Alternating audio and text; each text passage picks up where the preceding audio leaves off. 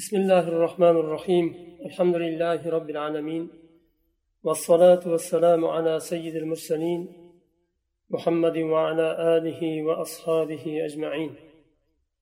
اللهم علمنا ما ينفعنا وانفعنا بما علمتنا وزدنا علما يا عليم. bugun yangi darsni boshlaymiz al vajiz fi sharh al qawaid al fiqhiyya qawaid al fiqhiyyadan doktor abdulkarim zaydan yozgan qavaidi fiqiya kitobini boshlaymiz muqaddima tariful qoida lug'atan vastilahan qoidani tarifi birinchi lug'aviy ma'nosi va istilohiy ma'nosi القاعدة في اللغة تعني الأساس وفي اصطلاح الفقهاء حكم كلي ينطبق على جميع جزئياته أو أكثرها لتعرف أحكامها منه قاعدة ديجانا لغوي معناص أساس ديجانا برنسان أساس قاعدة دي فوندامنت ديدا رسولة اصطلاحي معناص فقهاء اصطلاحدا juda ham ko'p juz'iy masalalarni o'zini ostiga oladigan kulliy hukm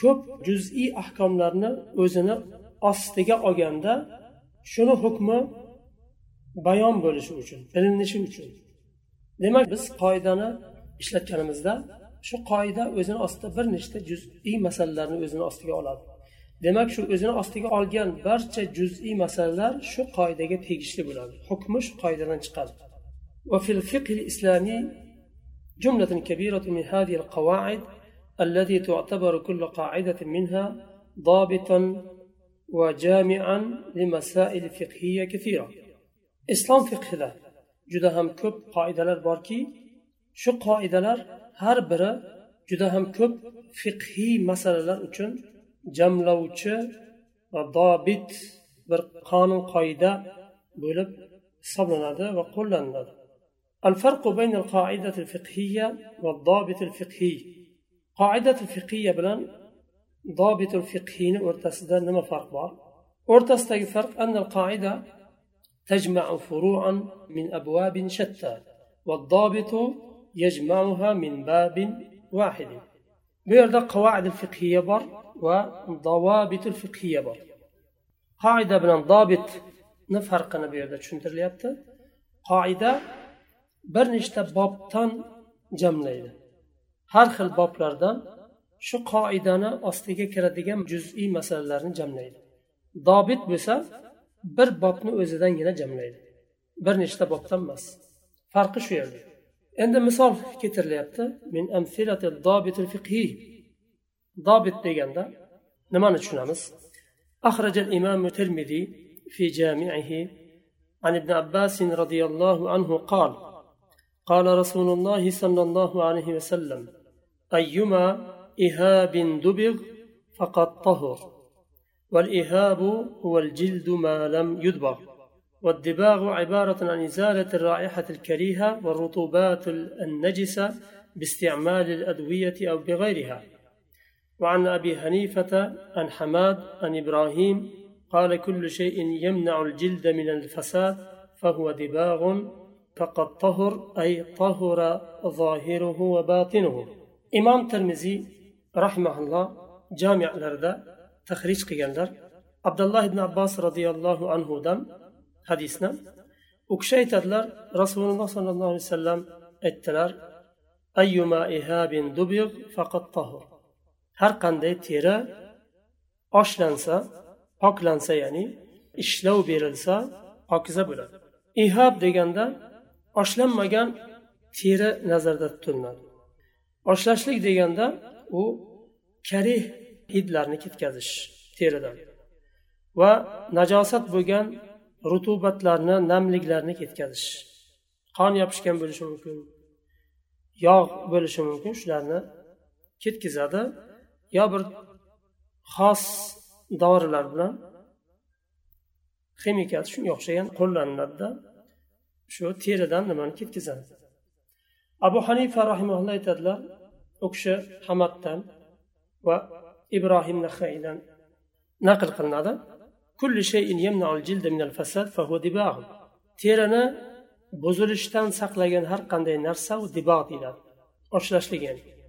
Faqat tohura deganda zohiri ham botini ham pok bo'ldi degan mazmunda. Bu yerda الفقهي fiqhiy deb bu hadisni keltirildi. فقهي fiqhiy qoidada ba'zan hadisni komilicha shunday olib qo'llanganlar. Ihob deganda bitta bob nazarda tutilyapti.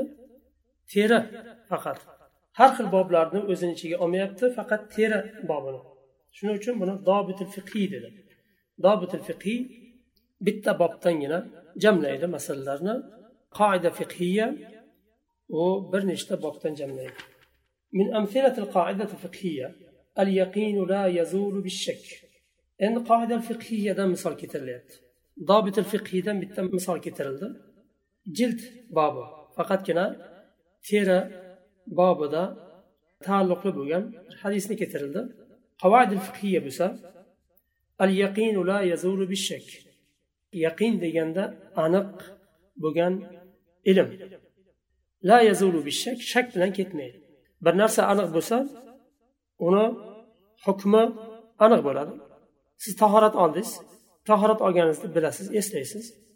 Demak u yaqiniy tahorat olganingizga shak qilmaysiz. Bu yaqiniy hukmni shak ketkazmaydi. Undan keyin shak keldi. Siz tahoratingizni buzdingizmi yo yo'qmi degan. Agar aniq eslamasangiz buzganingizda tahoratingiz bor hisoblanadi. Chunki shak yaqiniy ilmni ketkazmaydi. ومن القواعد الفقهية قاعدة اليقين لا يزول بالشك فهذه القاعدة تنطبق على كل مسألة فيها شيء متيقن إذا طرأ عليه شك مهما كان موضوع هذه المسألة. والباب الفقهي الذي تنتمي إليه وعلى هذا فإن حكمها يسري على فروع كثيرة من أبواب مختلفة في الفقه الإسلامي. فكلما تيقن وجوده أو عدمه فلا يتغير حاله هذا من اليقين وجودا أو عدما بطروء الشك عليه وإنما يتغير حاله بيقين مثله. قواعد الفقهية قائدا كثير اليقين لا يزول بالشك. يقيني بغن أنق بغن نرسا شك ketmaydi bu qoida bir nechta masalalarga to'g'ri keladi agar mutayaqqin bo'lgan aniq bo'lgan bo'lsa bir narsani hukmi uni xilofiga bir shak keladigan bo'lsa qanday masala bo'lmasin va har qanday bobdan bo'lmasin bu yaqiniy bo'lgan aniq bo'lgan ilm shak bilan ketmaydi. Ya'ni shak aniq bo'lgan narsani ketkazolmaydi yuqorida tahoratni aytdik. Xuddi shuningdek tahoratni buzilganini eslaysiz lekin tahorat qilganingizni eslay olmaysiz. Demak buzilgani aniq yaqiniy bo'lgan ilm tahorat qilganingiz shakmi aniq eslay olmaysiz u holda tahoratingiz yo'q hisoblanadi. Agar tahorat olgan bo'lsangiz ham.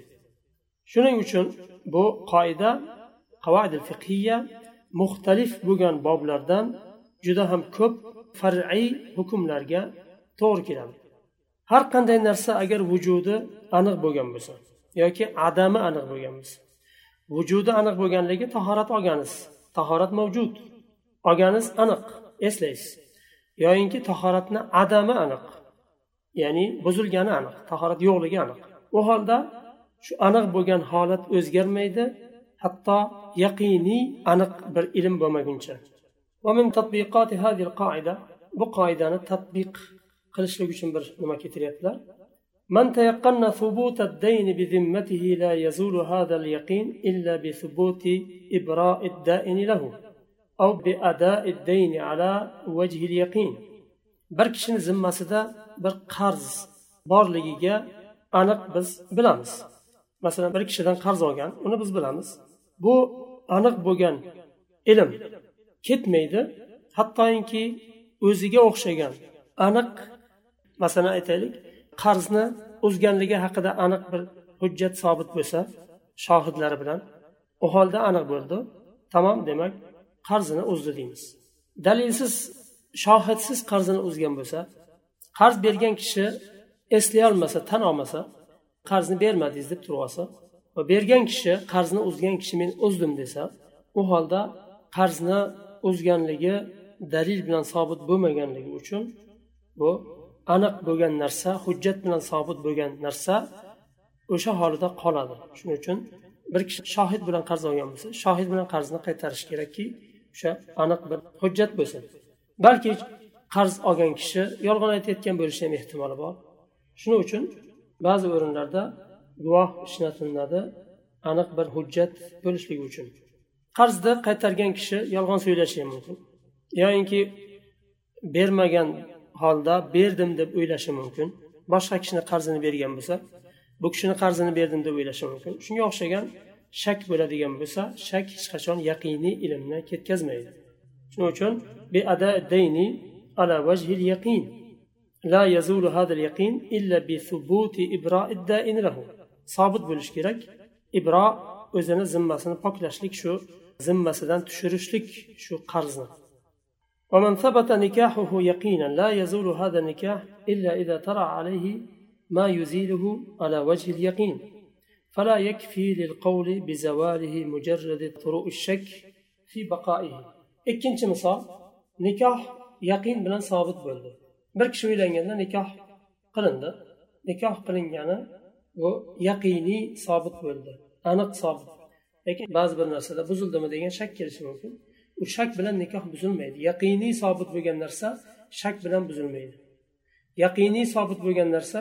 o'ziga o'xshagan yaqiniy narsa bilan buziladi ochiq taloq qo'ygan bo'lsa taloq lafzi og'zidan chiqqan bo'lsa yoinki shunga o'xshagan o'rtasini ajratadigan taloqqa o'xshagan so'z og'zidan chiqqan bo'lsa u holda nikoh buziladi bo'lmasam shak bilan buzilmaydi السنة النبوية والقواعد والضوابط الفقهية نبوي سنة وفقهي قاعدة وضوابط لر هذا وقد جاء في السنة النبوية الشريفة أحاديث كثيرة يعتبر كل حديث منها قاعدة فقهية بل قاعدة تشريعية لما يتضمنه من حكم عام يسري على جميع ما يندرج تحت هذه القاعدة من جزئيات أو فروع.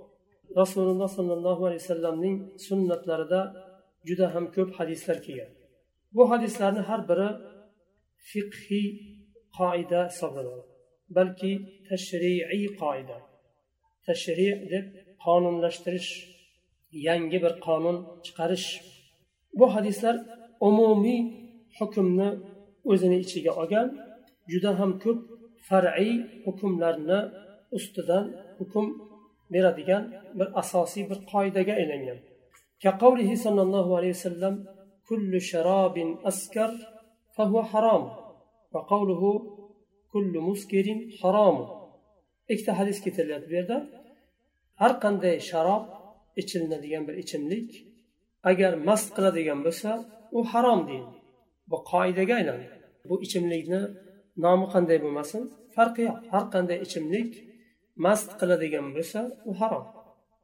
birinchi hadisda kullu sharobin deydi Ikkinchi hadisda muskirin haromun har qanday mast qiluvchi aqlni ketkazadigan narsa haromdir deyildi. فقد أخرج الإمام مسلم في صحيحه عن عائشة رضي الله عنها قالت سئل رسول الله صلى الله عليه وسلم عن التبع فقال كل شراب أسكر فهو حرام قال الإمام النووي في شرحه لهذا الحديث التبع هو نبيذ العسل وهو من جوامع كلمه صلى الله عليه وسلم وفيه أنه يستحب للمفتي إذا رأى بالسائل حاجة إلى غير ما سأل عنه أن يضمنه في الجواب إلى المسؤول عنه.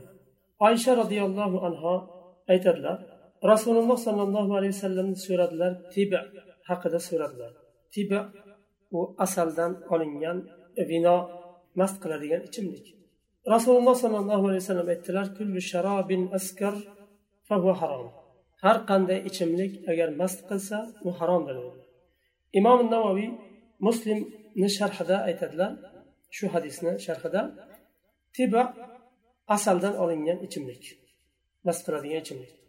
Bu rasululloh sollallohu alayhi vasallamni javami kalimdandir bu u kishiga javami kalim berildi. Ya'ni bir so'z bilan ko'p ma'noni o'zini ichiga oladigan so'z gapirardilar rasululloh alayhi hadislarida shunday ma'no ya'ni ser mazmun bo'lgan balog'ati berildi u kishiga va aytadilar muftiy uchun mustahab bo'ladi.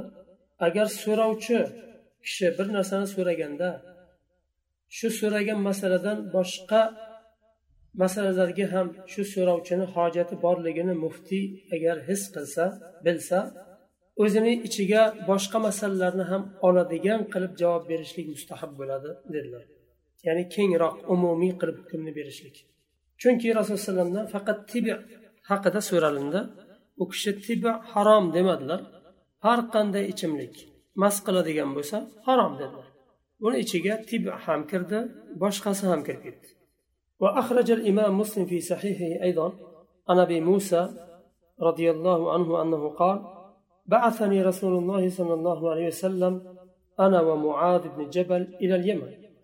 فقلت يا رسول الله إن شرابا يصنع بأرضنا يقال له المزر من الشعير وشراب يقال له التبع من العسل. فقال صلى الله عليه وسلم كل مسكر حرام. إمام مسلم تخرج قال صحيح abu muso roziyallohu anhu aytadilar rasululloh sollallohu alayhi vasallam men bilan muaz ibn jabalni yamanga yubordilar. Men u kishiga aytdim rasululloh sollallohu alayhi vasallamga yo rasululloh bizni yerimizda sharob qilinadi ichimlik qilinadi mizr deb ismlanadi u arpadan olinadi mast qiluvchi ichimlik va asaldan olinadigan tiba degan ham sharob qilinadi. Shunda rasululloh alayhi javob berdilar kullu muskirin haromun har qanday mast qiluvchi ichimlik haromdir dedilar bu javobni ichiga shairdan qilingan mizr ham kirdi asaldan olinadigan tiba ham kirdi va xurmodan bo'lsin uzumdan va boshqa narsalardan olinadigan mast qiluvchi ichimliklar ham bu javobni ichiga kirdi وأخرج الإمام مسلم في صحيحه عن ابن عمر رضي الله عنه أن النبي صلى الله عليه وسلم قال كل مسكر خمر وكل خمر حرام. إمام مسلم ينا صحيح لاردة تخرج قيان لار بحديثنا عبد الله بن عمر رضي الله عنه يتد لار رسول الله صلى الله عليه وسلم شن دي لار هر بر نرسى خمر در و هر قنده خمر حرام در دي وعلى هذا وفي ضوء هذه الأحاديث الشريفة فإن الخمر يطلق في الاصطلاح على كل مسكر demak bu hadislardan kelib chiqqan holda aytamizki xamir deganda har bir mast qiladigan narsaga aytilinadi istilohan فكل مسكر خمر وكل خمر حرام har bir mast qiladigan narsa u xamir va har qanday xamir haromdir وهكذا فهم فقهاء الحديث وشراحه hadisni fuqaholari va sharh beruvchilari mana shunday hadisdan tushunishdi لأن الخمر يطلق على كل مسكر فكل مسكر خمر وحرام تناوله chunki xamir deb har qanday mast qiluvchi narsaga aytiladi va har qanday mast qiluvchi narsa xamir va u harom tanovul qilishligi haromdir بغض النظر عن كيفية صنعه واستخراجه وسواء أسكر الكثير منه دون القليل أو أسكر قليله وسواء سمي المسكر خمرا أو لم يسمى كالمسكرات الحديثة فإنها تعتبر خمرا ما دامت مسكرة لأن العبرة بحقائق الأشياء وليس بأسمائها. Farqi yo'q kayfiyati uni qanday qilib bu xamirni ishlab chiqarishi va uni ko'p ichsa mast qiladimi yo ozi ham mast qiladimi? Va shu mast qiladigan ichimlik xamir deb ismlanganmi yo boshqa ismlar bilan ismlanganmi? Masalan yangi chiqqan ichimliklar xamir deyilmaydi. Turli xil ism bilan ismlangan bo'lishi mumkin. Bularni ismini ham farqi yo'q. Agar ozi mast qilmasdan ko'p ichganda mast qiladigan bo'lsa ham xamir hisoblanadi va harom hisoblanadi chunki ibrat narsalarni haqiqatlari bilan ismlari bilan emas. Masalan bir mast qiluvchi ichimlikni chiqarib turib yaxshi ot qo'yishi mumkin. Masalan halol deb qo'yishi mumkin yo boshqa bir mevani otini qo'yishi mumkin. Farqi yo'q uni ismini hech qanday e'tiborga olinmaydi. شنو شن؟ العبرة بحقائق الأشياء وليس بأسمائها. عبرة نرس لنا حقيقة لربلندر اسم لرب إماستر إماستر صحيح مسلم ذكيا عن ابن عباس رضي الله عنه أن النبي صلى الله عليه وسلم قال لو يعطى الناس بدعواهم لادعى ناس دماء رجال وأموالهم ولكن اليمين على المدعى عليه.